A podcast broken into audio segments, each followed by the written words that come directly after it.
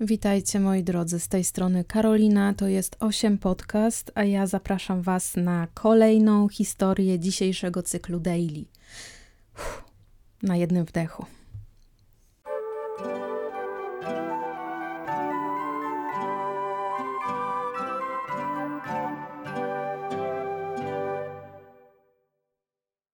I zanim zacznę tę opowieść, e, chciałabym niejako wrzucić taki trigger warning, duże słowo uwaga, czerwone wielkie litery, ponieważ głównymi mm, ofiarami dzisiejszych zbrodniarzy, dzisiejszych morderców będą osoby nieletnie.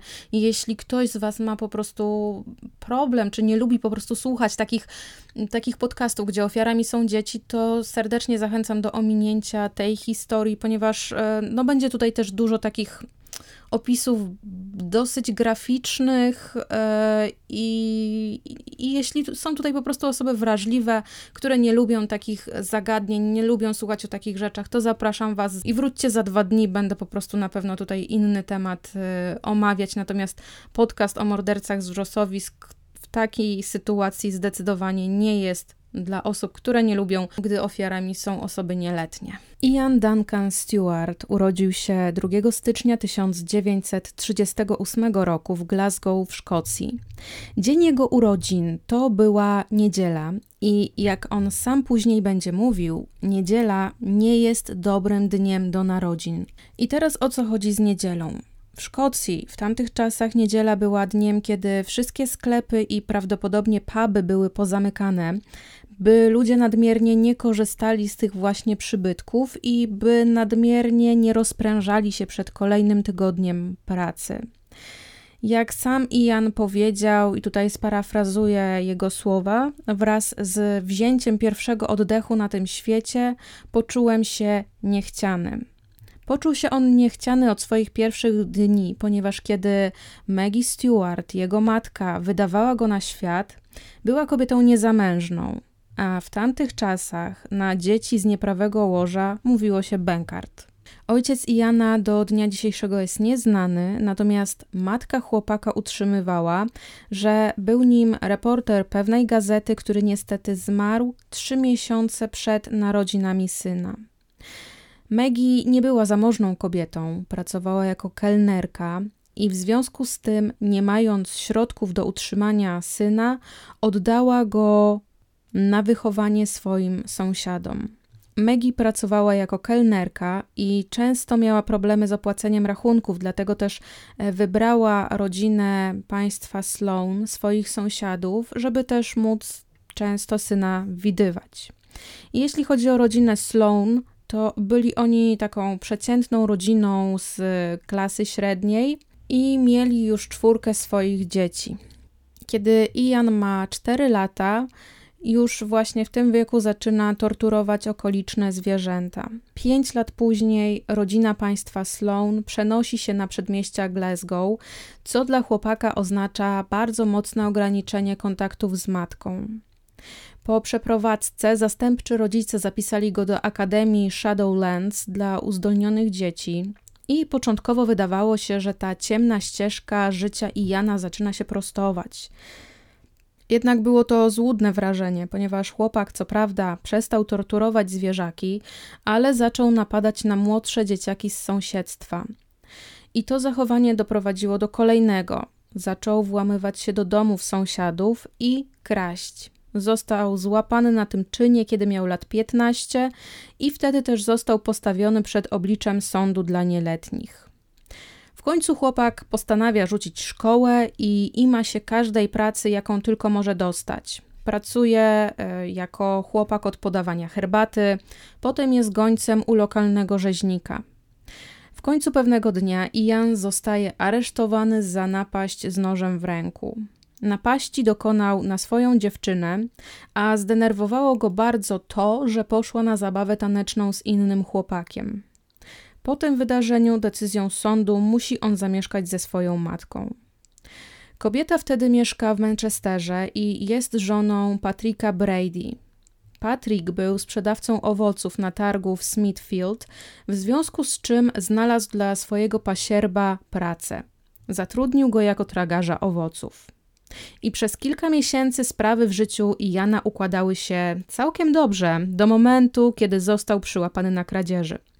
I znowu został postawiony przed wymiarem sprawiedliwości, a ponieważ miał wtedy już lat 17, to został skazany na dwa lata w więzieniu w Hatfield.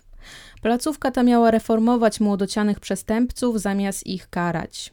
W placówce tej uczy się podstaw księgowości, jednak pomimo tej nauki, zamiast dać się zreformować, to Ian popadał w coraz większe i głębsze kłopoty, tym razem na terenie placówki. To jego zachowanie poskutkowało przeniesieniem go do innego miejsca i była to placówka w Hull. I to już nie była placówka reformująca. 14 listopada 1957 roku, po odsiedzeniu zasądzonej kary, Ian zostaje zwolniony i wraca do matki do Manchesteru.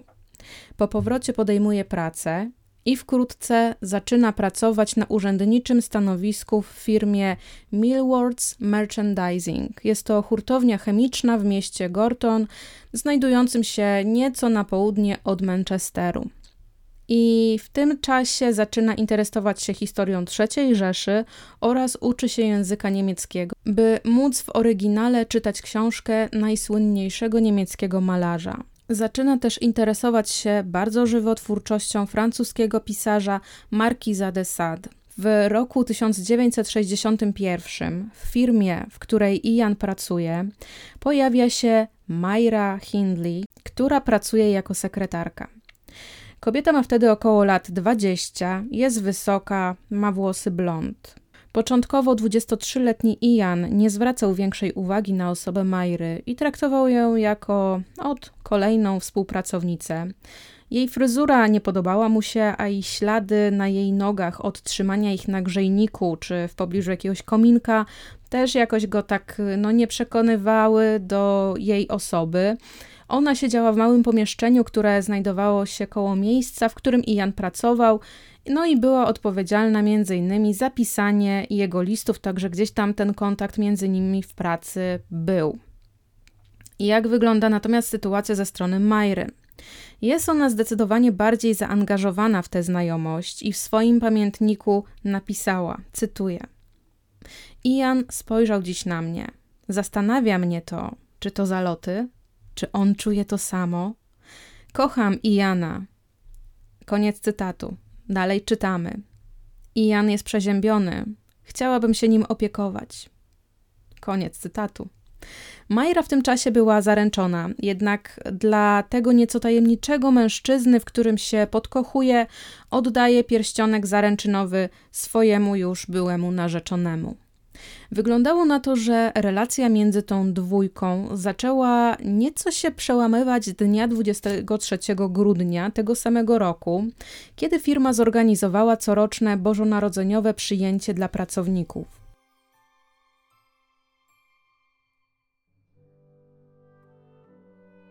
Przez kilka godzin ludzie bawili się w pubie, po czym wrócili do siedziby firmy, by tam jeszcze potańczyć, wychylić kilka głębszych kieliszków jakiegoś mocniejszego trunku. Tego dnia Brady pocałował Majrę w policzek. Był to świąteczny pocałunek, jakim obdarzył każdą kobietę, która była na imprezie.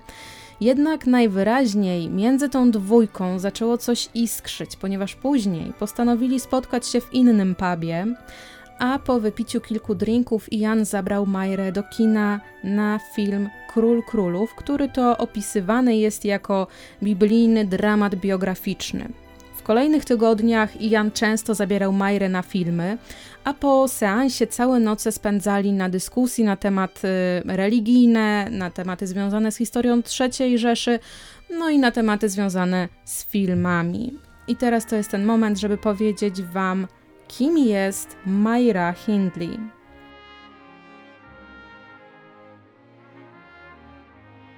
Otóż Myra Hindley urodziła się 23 lipca 1942 roku w Manchesterze.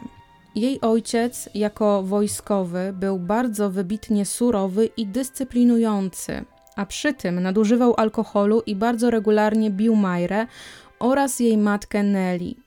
Pewnego razu, kiedy dziewczyna została pobita przez rówieśnika i poskarżyła się swojemu ojcu, ten powiedział jej, że ma znaleźć małego napastnika i spuścić mu łomot. Kiedy Majra waha się, czy to zrobić, ojciec zachęca ją mówiąc, że jeśli ona nie spuści łomotu rówieśnikowi, to on zrobi to jej. Także niejako nie mając wyboru, ośmiolatka szuka chłopaka i kiedy już udaje jej się go znaleźć, robi dokładnie to, czego wymaga od niej jej ojciec. Kiedy w 1946 roku na świat przychodzi młodsza siostra Majry, Maureen, rodzice oddają starszą córkę na wychowanie babci Majry, żeby w pełni skupić się na najmłodszym dziecku. Jednak ponieważ jej babcia sąsiadowała z rodzicami Majry, to nie wiązało się to z jakimiś takimi większymi dramatami odosobnienia dla czterolatki. Babcia była dosyć pobłażliwa w stosunku do swojej wnuczki, więc um, Majra musiała kontynuować naukę w technikum. E, zabrakło jej dosłownie kilka punktów, żeby dostać się do ogólniaka, ale jakby nie było to żadnym problemem, że Majra uczy się w technikum, ponieważ babcia zawsze powtarzała jej, że ona jest wyjątkowa. W 1957 roku przyjaciel Majry poprosił ją, żeby ta poszła z nim popływać nad jezioro. Majra wtedy odmówiła i niestety jej przyjaciel tamtego dnia właśnie utonął, co e, kobieta będzie sobie wyrzucać później, że nie doszłoby do tej sytuacji, gdyby ona była z nim. Natomiast jeśli chodzi o zaręczenie, no to Majra była e, zaręczona z kolegą z pracy, e, zrobiła to w wieku lat 17. No dobrze, skoro mamy już e, przedstawioną Majrę, mamy przedstawionego Iana, to teraz wróćmy do tego, co się działo między tą parą. Kiedy Majra spotyka Iana, on jest dla niej jak bratnia dusza. A po kilku godzinach rozmów oboje zdają sobie sprawę, że interesują ich te same tematy i mają w zasadzie bardzo podobne gusta to Ian namawia Majrę, żeby ta nauczyła się mówić po niemiecku, ponieważ wtedy będą mogli rozmawiać w miejscach publicznych na tematy, które ich interesują. A ponieważ nikt nie będzie ich rozumiał, no to nie poniosą żadnych konsekwencji, nawet jeśli będą to tematy bardzo zdrożne. Po jakimś czasie wspólnie zaczęli oglądać filmy typowo dla dorosłych, a po powrocie z seansu upijali się niemieckim winem i czytali sobie wzajemnie niemiecką literaturę. Ta fascynacja doprowadziła Majrę do jeszcze mocniejszego utlenienia włosów, żeby wyglądać jeszcze bardziej, jeszcze mocniej aryjsko. Zaczyna też używać czerwonej szminki, nosi buty na wysokim obcasie, krótkie spódniczki, a tej stylizacji dopełnia skórzana kurtka. W miarę postępu ich znajomości czy też związku stworzyli nawet swój sekretny kod i tak słowo groucho i dwukrotne uniesienie brwi oznaczało patrz tam, gdzie ja patrzę. A kiedy para widziała przystojnego mężczyznę czy też piękną kobietę, używali skrótu DC, co oznaczało w rozwinięciu delicious creature, czyli pyszne, wspaniałe stworzenie. Ich życie łóżkowe kwitło, jednak Ian był kochankiem brutalnym, a ciało Majry zaczęło pokrywać się śladami ugryzień i siniaków po uderzeniach zadawanych ręką mężczyzny. W pracy trzymali się od siebie na dystans, ponieważ nie chcieli się ujawniać, że łączy ich coś więcej niż tylko stosunki koleżeńskie. Na początku roku 1962 para odkrywa wrzosowisko Saddleworth, położone w północno-zachodniej Anglii, pomiędzy Manchesterem a Huddersfield. Ian znajduje to miejsce dosyć przypadkowo, ponieważ dosyć często wychodził z pracy i jechał przed siebie swoim motocyklem. I tak od oglądania filmów i czytania literatury para bardzo płynnie przeszła do planowania napadów na banki. Majra zapisała się do klubu strzeleckiego, co miało jej pomóc w zakupie broni, i Jan niestety nie miałby takiej możliwości w związku z tym, że miał już pewne wyroki na swoim koncie. Majra wynajęła także furgonetkę, no i para jeździła od banku do banku, obmyślając przyszłe rabunki. Ian w tym czasie zainteresował się fotografią i to na tak poważnie, że w swoim mieszkaniu zrobił ciemnie, a Majra była jego modelką. W tym czasie młodsza siostra Myry, Maureen, skontaktowała się z Ianem, ponieważ wiedziała, że ma on profesjonalny sprzęt foto, no i chciała, żeby Ian zrobił jej kilka zdjęć, które ona potem mogłaby dać swojemu chłopakowi, którym był David Smith. I podczas sesji Ian wypytywał Maureen, czy David nie chciałby może zarobić trochę pieniędzy, Natomiast jeśli chodzi o Davida, to on był takim trochę szemranym typem, bardzo delikatnie mówiąc, i kiedy spotykał się z siostrą Myry, był widywany także z jej sąsiadką. Dodatkowo pani Hindley nie darzyła przyszłego ewentualnego zięcia sympatią i określała go słowami e, dirty bastard, czyli a, w takim dosłownym tłumaczeniu brudny gnojek. Jednak Myra i Ian chcieli się dowiedzieć, kim właściwie był David. A David też w życiu do tej pory nie miał lekko. Joyce Hall, jego matka, porzuciła go, kiedy ten miał zaledwie dwa lata. Jack Smith, ojciec, często z synem nie bywał, ponieważ był budowlańcem, często wyjeżdżał z miasta, jeśli tylko gdzieś indziej miał wizję pracy i podpisania kontraktu. Także dzieciakiem zajmują się Annie i John Smith, jego dziadkowie, i ostatecznie adoptują go. Dosyć szybko David wszedł na drogę występku i wylądował w Rose Hill w areszcie śledczym. Po zwolnieniu podjął naukę w Stanley Grove School i tam zainteresował się boksem. Boksował tak dobrze, że był nawet mistrzem w tej dziedzinie sportu. Jednak kiedy David uderzył dyrektora szkoły podczas kłótni o noszenie mundurku, no to wtedy zostaje wydalony z tej szkoły. Także swoje umiejętności nie pożytkował zbyt dobrze. David zawsze nosił obcisłe spodnie. To, było, to był taki jego znak rozpoznawczy. I jeśli spodnie nie były dosyć wąskie, no to sam je przerabiał końcu ojciec Davida podejmuje decyzję, że czas wrócić do Manchesteru i poszukać pracy na miejscu. Zatem zabiera swojego syna od swoich rodziców i zamieszkują przy Weil Street 13 w Gorton. Mieszkają niedaleko Myry i Maureen oraz sąsiadki, o której wcześniej wam wspominałam. David był widywany z tą sąsiadką, a sąsiadką była Pauline Reed. Chłopak zaczął chodzić do szkoły All Saints w Gorton, jednak i tutaj nie mógł trzymać się z dala od kłopotów, ponieważ kiedy inny uczeń nazwał go bękartem, to David użył swojego kija do krykieta, żeby tamtemu chłopakowi złamać palce. I jeśli jeszcze tego nie wspomniałam, no to David miał wtedy lat 11. Kiedy David skończył lat 15, włamał się do domu i został złapany na gorącym uczynku. Za to włamanie otrzymał karę trzech lat pozbawienia wolności w zawieszeniu. Natomiast kiedy Maureen i David się spotykają i dziewczyna zachodzi w ciążę, to David staje na wysokości zadania i oświadcza się Maureen. Do ślubu dochodzi niecały rok od dnia, kiedy para zaczęła swój związek. Nie muszę wam zapewne mówić o tym, że seniorka Hindley no nie zaakceptowała małżeństwa swojej córki. W październiku 1963 roku Ian i David po raz pierwszy spotykają się na osobności. David czeka na Maureen przed siedzibą firmy Millwards, aż kobieta skończy pracę, a Ian pomyślał, że to jest świetny czas na to, żeby porozmawiać z nim. Zatem Ian proponuje Davidowi podwiezienie go do domu. I Janowi bardzo spodobał się pomysł, żeby do napadu zorganizować kogoś z rodziny, ponieważ według niego osoba, która będzie spokrewniona, jest lepszym zabezpieczeniem podczas ewentualnego przesłuchania przez policję.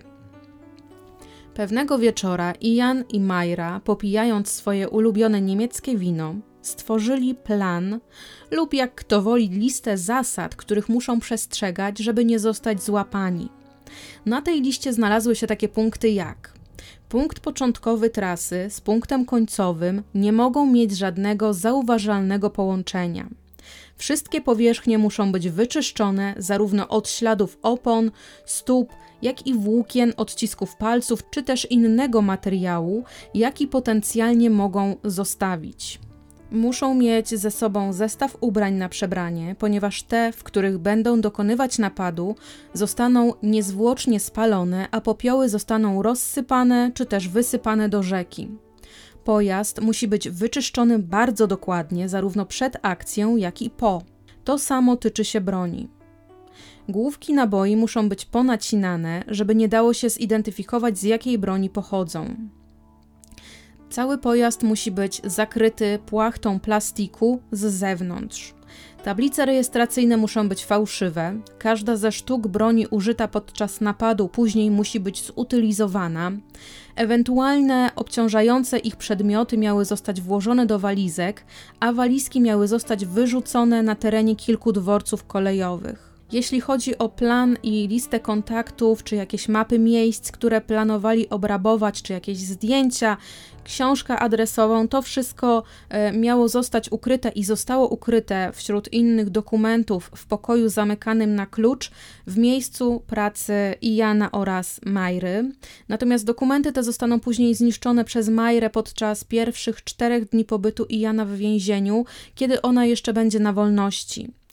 Jeśli ktoś z Was zastanawia się, jak miałby wyglądać idealny napad na bank, no to pani Myra Hindley oraz pan Ian Brady dostarczyli Wam tutaj kilku ciekawych wskazówek. Wróćmy do historii. Ian chciał, żeby w związku z tym, że Majra może kupić broń na swoje nazwisko, zaopatrzyła się w dwie sztuki broni kaliber 45 mm oraz pistolet kaliber 38 mm. Do planowanego napadu na bank nigdy nie doszło, a wypożyczona furgonetka nigdy nie będzie im służyła do przewożenia zrabowanej gotówki. Czy to był tylko test na ślepą lojalność i posłuszeństwo, jaki Ian prowadził, żeby sprawdzić Majrę? Prawdę powiedziawszy, nie mam pojęcia, ale jeśli tak było, no to kobieta zdała ten test śpiewająco. Sąsiadami Iana oraz Majry byli państwo Reed. Joan i Amos razem z ich dwójką dzieci, 16-letnią Pauline oraz 13-letnim Polem. Dziewczyna chodziła do tej samej szkoły co siostra Majry oraz jej chłopak David. Oprócz nauki dziewczyna pracowała w piekarni swojego ojca. 12 lipca 1963 roku w piątek Pauline była w drodze na potańcówkę, która to odbywała się w społecznym klubie pracowników kolei przy Chapman Street, a miejsce to było oddalone 10 minut spacerem od jej domu. Przed wyjściem z domu nastolatka jeszcze zadzwoniła do swoich dwóch przyjaciółek z pytaniem, czy nie wybierają się one na imprezę, jednak koleżanki nie zostały wypuszczone przez rodziców, którym nie podobało się, że na potańcówce będzie podawany alkohol, w związku z czym dziewczyna zdecydowała, że pójdzie sama. O godzinie 19.45 wyszła z domu, ubrana w czarną bluzkę, koszulę w kolorze różowo-złotym, dzianinowy sweterek, niebieski płaszcz oraz białe szpilki. Kiedy Pauline idzie ulicą Gorton Lane, a słońce świeci jej w twarz, słyszy jak w stojącej przy krawężniku czarnej furgonetce uchyla się szyba, a znajomy głos należący do Majry pyta ją, gdzie idzie. Nastolatka odpowiada, że na potańcówkę i opowiada Majrze o tej potańcówce, no i dziewczyny jeszcze przez chwilę rozmawiają na tematy związane ze szkołą. W pewnym momencie Majra, siedząc na fotelu kierowcy, wskazuje kilka płyt gramofonowych leżących na fotelu pasażera i mówi nastolatce, że że jej je da, jeśli ona pomoże jej szukać kosztownej rękawiczki, którą miała zgubić na wrzosowisku Saddleworth. Rękawiczkę miała tam zgubić tego samego dnia rano. Pauline zgadza się pomóc starszej koleżance, zresztą i tak, gdyby szła teraz prosto na potańcówkę, to byłaby na miejscu zdecydowanie za wcześnie. Tak więc otwiera drzwi od strony pasażera, wsiada do samochodu, a płyty winylowe kładzie sobie na kolanach. W międzyczasie Ian bardzo mocno pracował nad swoim alibi. Przed wyjściem z domu zapytał rodziców, która jest godzina, żeby oni dobrze zapamiętali, o której on był jeszcze w domu. Po czym, po uzyskaniu odpowiedzi, wyszedł, wsiadł na motocykl i pojechał na Gorton Lane. Tam miała być furgonetka jego i Majry. Jednak, ponieważ już jej tam nie było, to Ian wiedział, że Majra wybrała ofiarę, więc nie zastanawiając się dłużej, pojechał na wrzosowisko. Do tego momentu nie wiedział, kogo wybrała Majra. Kiedy ustawił swój motocykl obok vana, zauważył, że Myra i Pauline palą papierosy, tak więc podszedł do nich i wcisnął się pomiędzy nie. Myra przedstawiła nastolatkę partnerowi, po czym zgasiła papierosa i powiedziała, że lepiej, żeby już zaczęli szukać jej zguby, ponieważ robi się ciemno. Cała trójka udała się w głąb wrzosowiska, natomiast Bradley szedł jakieś 4-5 metrów przed dziewczynami i dopóki wszyscy byli w polu widzenia przejeżdżających samochodów, to on starał się nie wykonywać żadnych gwałtownych ruchów. Jednak kiedy po kilku chwilach Majra użyła ich sekretnego słowa Groucho, no to wtedy Brady doskoczył do nastolatki i zaczął ją dusić przed ramieniem. Dziewczyna popatrzyła bardzo zszokowana na Majrę, szukając u niej jakiegoś ratunku, jednak ratunku ze strony kobiety nie było. Majra się tylko uśmiechnęła i kazała zamknąć się nastolatce. Pauline próbowała się ratować, próbowała krzyczeć, że nie czuje się dobrze, że to jest w ogóle czas, kiedy ona ma menstruację, jednak Majra kompletnie nie reagowała na to, co dziewczyna mówiła i ją rozebrała. Majra zaczęła pieścić i całować jej piersi, a w tym czasie Brady patrzył, czy nikt nie nadchodzi. Pauline nie protestowała i poddała się temu, co Majra jej robiła. E, liczyła być może na to, że kiedy para z nią skończy, to oszczędzą jej życie. Natomiast wkrótce i Ian dołączył się do Majry i zaczął uprawiać seks z nastolatką. W międzyczasie nad wrzosowiskami zaczęło się już robić ciemno, więc Brady kazał e, nastolatce wstać i się ubrać, a kiedy ta sięgnęła po naszyjnik, Majra zabrała go jej i powiedziała, że nie będzie potrzebować go tam, gdzie się wybiera, co rozwścieczyło Brady'ego do tego stopnia, że on uderzył Majrę w twarz. Brady zostawił dziewczyny na dłuższą chwilę same, wrócił po coś do furgonetki i ten moment Majra wykorzystała, żeby zaatakować nożem dziewczynę. Próbowała dźgnąć Pauline w klatkę piersiową, nóż jednak nie przebił skóry, ponieważ jego ostrze było nieco wygięte. Tak więc Majra zaczęła bić nastolatkę po twarzy, co spowodowało, że z nosa Pauline zaczęła sączyć się krew. W tym samym czasie mężczyzna wrócił w miejsce napaści i widząc, że Majra jeszcze nie rozprawiła się z Pauline, podciął nastolatce gardło. Jednak ponieważ nie przeciął za pierwszym razem tętnicy szyjnej, dziewczyna powoli wykrwawiała się na oczach pary. Ian jeszcze raz przeciął dziewczynie gardło, tym razem przecinając tętnicę. Po kilku sekundach Pauline nie żyła.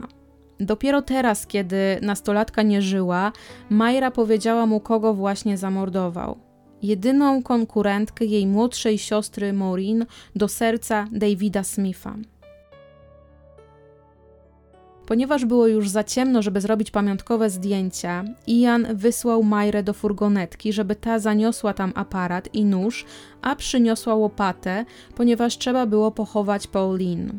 Po zakopaniu zwłok policzyli, ile kroków od furgonetki znajdowało się ciało dziewczyny, żeby mniej więcej wiedzieli, gdzie ją pochowali. Para zdjęła ubrania, które mieli na sobie podczas gwałtu i morderstwa na Pauline, po czym Majra wrzuciła te ubrania do furgonetki i pojechała do domu. Na miejscu Majra widziała matkę nastolatki szukającą swojej córki. Brady został na wrzosowisku, żeby zakopać łopatę, której używał. Kiedy mężczyzna pojechał pod mieszkanie motocyklem, nikt już nie szukał Pauline. O godzinie 2.30 w nocy para cięła ubrania, które miała na sobie podczas napaści, żeby je spalić. W tym czasie pan Reed szukał córki w okolicach klubu, w którym miała się bawić. Majra później będzie opowiadać, że wieczór ten wyglądał zgoła inaczej. Według jej słów czekała przy Gordon Lane, a Ian, który siedział na motocyklu po drugiej stronie ulicy, dał jej znak reflektorem, kiedy w kierunku Majry zbliżała się Pauline. To miał być dla Majry sygnał, że oto właśnie zbliża się wybrana przez niego ofiara, a zadaniem Majry jest ją przechwycić. Majra jechała z Pauline furgonetką w kierunku wrzosowiska, a Brady na motocyklu jechał za nimi. Na miejscu to mężczyzna z nastolatką poszli szukać zguby i nie było ich przez około godzinę. Potem Brady wrócił sam i nakazał Majrze wziąć łopatę z samochodu i iść za nim. Kiedy oboje dotarli na miejsce, Majra miała się zorientować, że jej partner nie tylko pozbawił życia nastolatkę, ale także ją zgwałcił, o czym miały świadczyć ubrania dziewczyny, które były w nieładzie. Po pochowaniu Pauline, Majra miała stać się względem e, Iana bardzo nieufna i bojąca się o swoje życie. Od zbrodni minęło kilka tygodni. Pauline nadal miała status zaginionej, a śledczy nadal nie mieli żadnych tropów w jej sprawie. W tym czasie Majra miała niegroźny wypadek drogowy, po którym zaprzyjaźniła się z policjantem, w którym się zakochała. Mężczyzna odwiedzał ją nawet, kiedy już wszelkie formalności związane z kolizją były zakończone, a wychodził tylnym wyjściem, kiedy tylko przed oknem słychać było warkot silnika motocyklu Iana. Inna wersja, jaką kobieta przedstawiała, mówiła o tym, że ów policjant ją odwiedził, kiedy ona sprzedawała samochód i był po prostu potencjalnym kupcem. Kiedy Ian Brady dowiaduje się o romansie Myry z policjantem, wcale nie wpada we wściekłość i wcale nie robi scen. Zamiast tego zachęca ją do kontynuowania znajomości, żeby mieli dostęp do policyjnych poufnych informacji. Natomiast po aresztowaniu tej dwójki, policjant, który romansował z Majrą, został oczyszczony ze wszystkich podejrzeń, jakoby brał udział w zbrodniach pary. Kilka miesięcy później Ian i Majra zdecydowali, że czas wrócić do ich rytuału picia alkoholu i spędzaniu czasu na wrzosowisku. I kiedy tam pojechali, przeżyli prawdziwy szok Oto firma Nord Sea Gas, zaledwie kilka metrów zarówno od pochowanej łopaty, jak i pochowanej Pauline, wykopała rów pod rurociąg. Ten dzień para spędziła na wrzosowiskach. Ian robił zdjęcia Majrze oraz jej psu. E, pies wabił się Papet i zdjęcia te były robione w okolicach grobu Pauline. Kiedy para tego dnia wracała z wrzosowiska, Ian widział młodą dziewczynę, która spacerowała autostradą. Wyglądała ona tak, jakby bardzo nieznacznie unosiła się nad e, terenem autostrady. Mężczyzna bardzo gwałtownie zahamował przed nią, a ta spojrzała mu w oczy i powiedziała: Niech cię Bóg błogosławi. Dla Iana, który twierdził, że Boga nie ma, to wydarzenie bardzo mocno utkwiło mu i bardzo mocno i bardzo głęboko w głowie. Któregoś jesiennego wieczora, kiedy Ian i Majra popijali wino, zdecydowali, że to jest czas, żeby znaleźć ofiarę numer dwa. Zdecydowali, że pojadą w inne miejsce, żeby uniknąć rozpoznania, więc wyciągnęli mapę i zaczęli się przyglądać i zastanawiać, w którą stronę się wybrać. I wybrali Ashton Under Lane, oddalone o około 8 km od Gorton. Będąc w miasteczku, trafili na targ, Będąc na targu, zauważyli, że za targiem jest długa, ciemna ulica, przy której nie ma żadnych domów i że właśnie to miejsce będzie idealnym, żeby w kolejną sobotę znaleźć ofiarę. 22 listopada Ian wynajął inny samochód niż poprzedni. Pomyślał, że tak będzie najlepiej, by za każdym razem mieć inny samochód, kiedy planują zbrodnie. Przezornie wypożyczyli samochód dzień przed porwaniem i pojechali do Manchesteru na wypadek, gdyby śledczy później sprawdzali, kto akurat w dniu morderstwa wypożyczył samochód. Tego dnia usłyszeli także informacje o zastrzeleniu prezydenta Kennedy'ego. Wszystkie stacje telewizyjne nadawały informacje tylko i wyłącznie o tym, także nie było możliwości, żeby nie usłyszeli tej informacji. Ofiara numer dwa to John Kilbright. Ma on lat 12. Niedawno zaczął uczęszczać do szkoły rzymskokatolickiej.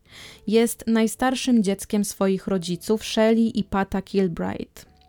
Tego dnia w sobotę rano wszyscy najpierw zjedli rodzinne śniadanie, po którym John pyta matkę, czy może iść ze swoim przyjacielem Johnem Ryanem do kina obejrzeć film pod tytułem Mongołowie. Matka się zgadza i kiedy seans kończy się o 16.30, chłopcy decydują, że pójdą na targ zarobić trochę grosza.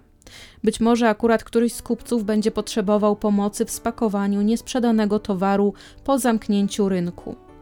Około godziny 18 John Ryan decyduje, że chce już wrócić do domu. Kiedy rozstaje się z przyjacielem, widzi Johna stojącego przy dużym koszu na śmieci. Od tego momentu to, co wydarzyło się między Majrą i Ianem i Johnem, różni się, jednak tutaj przedstawię Wam zarówno e, wersję Iana, jak i Majry. Zacznę od historii Brady'ego. Według jego wersji wszystko absolutnie poszło zgodnie z planem. Majra zaczepiła Johna z prośbą, żeby chłopiec pomógł jej szukać rękawiczkę. Ian obserwował, czy ktokolwiek z tłumu w jakikolwiek sposób reaguje na rozmowę kobiety z dzieckiem. Nic takiego się nie wydarzyło, tak więc Majra zabiera chłopaka do samochodu i po drodze zatrzymuje się, żeby zabrać także mężczyznę. Kiedy Majra zaparkowała przy wrzosowisku, cała trójka poszła nieco w głąb, to John zaczął zadawać bardzo dużo pytań i to naprawdę aż za dużo tych pytań i denerwował się, że już zrobiło się na tyle ciemno, że nie będzie mógł znaleźć tej rękawiczki. Wtedy Brady użył słowa klucza pod tytułem Groucho, po czym Majra złapała chłopaka. Johnny zaczął się wyrywać, tak więc Ian musiał pomóc Majrze i wspólnie powalili go na ziemię. Potem Ian ściągnął chłopakowi spodnie i bieliznę, po czym wykorzystał seksualnie. Później Brady udusił chłopaka gołymi rękami, po czym poszedł do furgonetki po łopatę, wykopał dwunastolatkowi grób i kiedy grób był już dostatecznie głęboki, oboje wrzucili ciało chłopaka do środka. Zanim Brady zacznie zasypywać grób, klepnie jeszcze swoją ofiarę w nagie pośladki i powie: Masz tu jeszcze jednego na koniec. Historia Majry brzmi tak. Tego dnia na głowie ma perukę z włosami w kolorze czarnym. To ona czeka w bocznej uliczce i obserwuje, jak idzie rozmowa Iana i Johna. Ian miał zaproponować dwunastolatkowi trochę szery za pomoc w poszukiwaniu rękawiczki. Cała trójka pojechała na wrzosowisko i to Ian i John wyszli z samochodu, natomiast Majra została w furgonetce. Po około 30 minutach miała błysnąć światłami samochodu w stronę, w którą poszedł mężczyzna z nastolatkiem. W odpowiedzi Ian trzykrotnie błysnął latarką w stronę Majry, a po chwili zjawił się przy samochodzie. Miał w rękach łopatę oraz jeden z butów chłopca. Powiedział Majrze, że próbował podciąć chłopakowi gardło nożem, jednak nie udało mu się to, ponieważ ten nóż miał ząbkowane ostrze, w związku z czym musiał udusić go sznurowadłem z jego własnych butów. Jest pewna rozbieżność w historii kobiety. Otóż mówiła, że kiedy czekała na Iana, wyszła z samochodu i wyciągnęła pistolet czy też karabin, który miała wcześniej przygotowany. Natomiast z późniejszych zapisów wynikało, że ten konkretny karabin został kupiony e, w roku 64, czyli już po zabójstwie Johna. Para wróciła do domu. Spalili ubrania, jakie mieli tego dnia na sobie oraz but Johna dokładnie wyczyścili samochód i zwrócili go do wypożyczalni. Następnego ranka rozpoczęło się poszukiwanie dwunastolatka. Mimo wiadomości o zamachu na Kennedy'ego, lokalnym mieszkańcom udało się zorganizować około 100 wolontariuszy, którzy pomagali w poszukiwaniach chłopca. W sprawę zaangażowała się także pani Jasnowic, Annie Lansley. Kobieta miała wizję, że ciało chłopca spoczywa na zboczu, na horyzoncie przed nim jest całkowicie pusta czy goła panorama. Chodziło o to, że nie ma żadnych drzew w zasięgu wzroku, a niedaleko miejsca znajduje się główna droga oraz strumień. Ian uważał, że wizja pani Jasnowic jest dosyć dokładna, natomiast gdyby kobieta miała jakiekolwiek wizje dotyczące kolejnej ofiary, no to i ona stałaby się kolejną ofiarą. Kilka miesięcy po zamordowaniu Johna Kilbride'a, Ian zapisał jego dane w swoim notatniku, w którym planował zbrodnię, co było mało rozważnym krokiem z jego strony. 16 czerwca 1964 roku Keith Bennett razem ze swoją matką Winnie wychodzi z domu. Kobieta planuje z przyjaciółmi grać w bingo o 20 tego wieczora, a chłopak ma nocować u babci. Tak robili raz w tygodniu, także nie było to też nic niezwykłego. Winnie oraz ojczym Kita, Jim Johnson, spodziewali się dziecka, a kobieta była aktualnie w siódmym miesiącu ciąży. Chłopak miał na sobie koszulkę, niebieskie dżinsy, białą skórzaną kurtkę oraz czarne buty. Majra siedziała w samochodzie i czekała na właściwą ofiarę. Kiedy zobaczyła dwunastolatka, poprosiła go o pomoc w przeniesieniu kilku pudeł. Oczywiście chłopak za swój trud miał otrzymać pieniężne wynagrodzenie, na, to jak, na co jak najbardziej Kit się zgodził. I tutaj też przedstawię Wam dwie wersje, wersję Myry i wersję Brady'ego. Według wersji Myry w samochodzie na tylnej kanapie siedział Ian i to właśnie on wskazał Kita jako odpowiednią ofiarę. Dorośli i dziecko pojechali na wrzosowisko jak poprzednim razem. Następnie Ian i Kit mieli iść przed Majrą, a ona szła z tyłu, żeby mieć oko na wszystko, co się za nimi działo. W pewnym momencie Ian dał kobiecie znak, żeby została na miejscu, co Majra jak najbardziej posłusznie uczyniła. Czekała na mężczyznę około pół godziny, po czym na horyzoncie zamajaczył jej Ian z łopatą. Nie było z nim chłopaka. Kiedy zapytała Brady'ego, czy uprawiał seks z nastolatkiem, ten nic nie odpowiedział. Myra miała nigdy nie widzieć e, ciała Keitha. Wrócili razem do domu i wtedy Myra zobaczyła, że Brady robił zdjęcia chłopcu, e, który to pokryty był krwią. Zdjęcia jednak były bardzo nieostre, no i nie podobały się Ianowi, więc je zniszczył. Natomiast historia Brady'ego brzmiała tak. Po zaparkowaniu przy wrzosowisku cała trójka przebyła dystans około 5 km na nogach, zanim Ian dał znak Majrze, żeby ta zaatakowała chłopca. Wcześniej Kit mówił dorosłym, że musi być za godzinę u babci, ponieważ ma u niej spędzić noc. Majra zapewniała chłopaka, że spokojnie, na pewno zdążą wrócić, tak że babcia nawet nie zauważy spóźnienia wnuczka. Kiedy Majra przewróciła chłopca na ziemię, ten zaczął krzyczeć. Tak więc Brady usiadł mu na plecach i zacisnął ręce na szyi. W tym czasie Majra ściągała spodnie i bieliznę chłopca oraz złapała go za obie nogi. I wtedy Brady zaczął napaść seksualną, cały czas podduszając chłopaka. Kiedy Brady skończył, udusił Kita gołymi rękami. Brady się ubierał, a wtedy kobieta odwróciła ciało chłopca na plecy. Ian zrobił kilka zdjęć zwłoką, po czym pochowali chłopca, tym razem oznaczając miejsce pochówku dużym kamieniem. Dalsza część historii jest taka sama jak w przypadku wersji Majry, czyli zniszczenie ubrań i wyczyszczenie samochodu. Zaginięcie chłopca zostało zgłoszone kolejnego dnia. Matka Kita myślała, że syn dotarł do domu babci, a babcia myślała, że z jakiegoś powodu jednak Kit do niej nie przyszedł.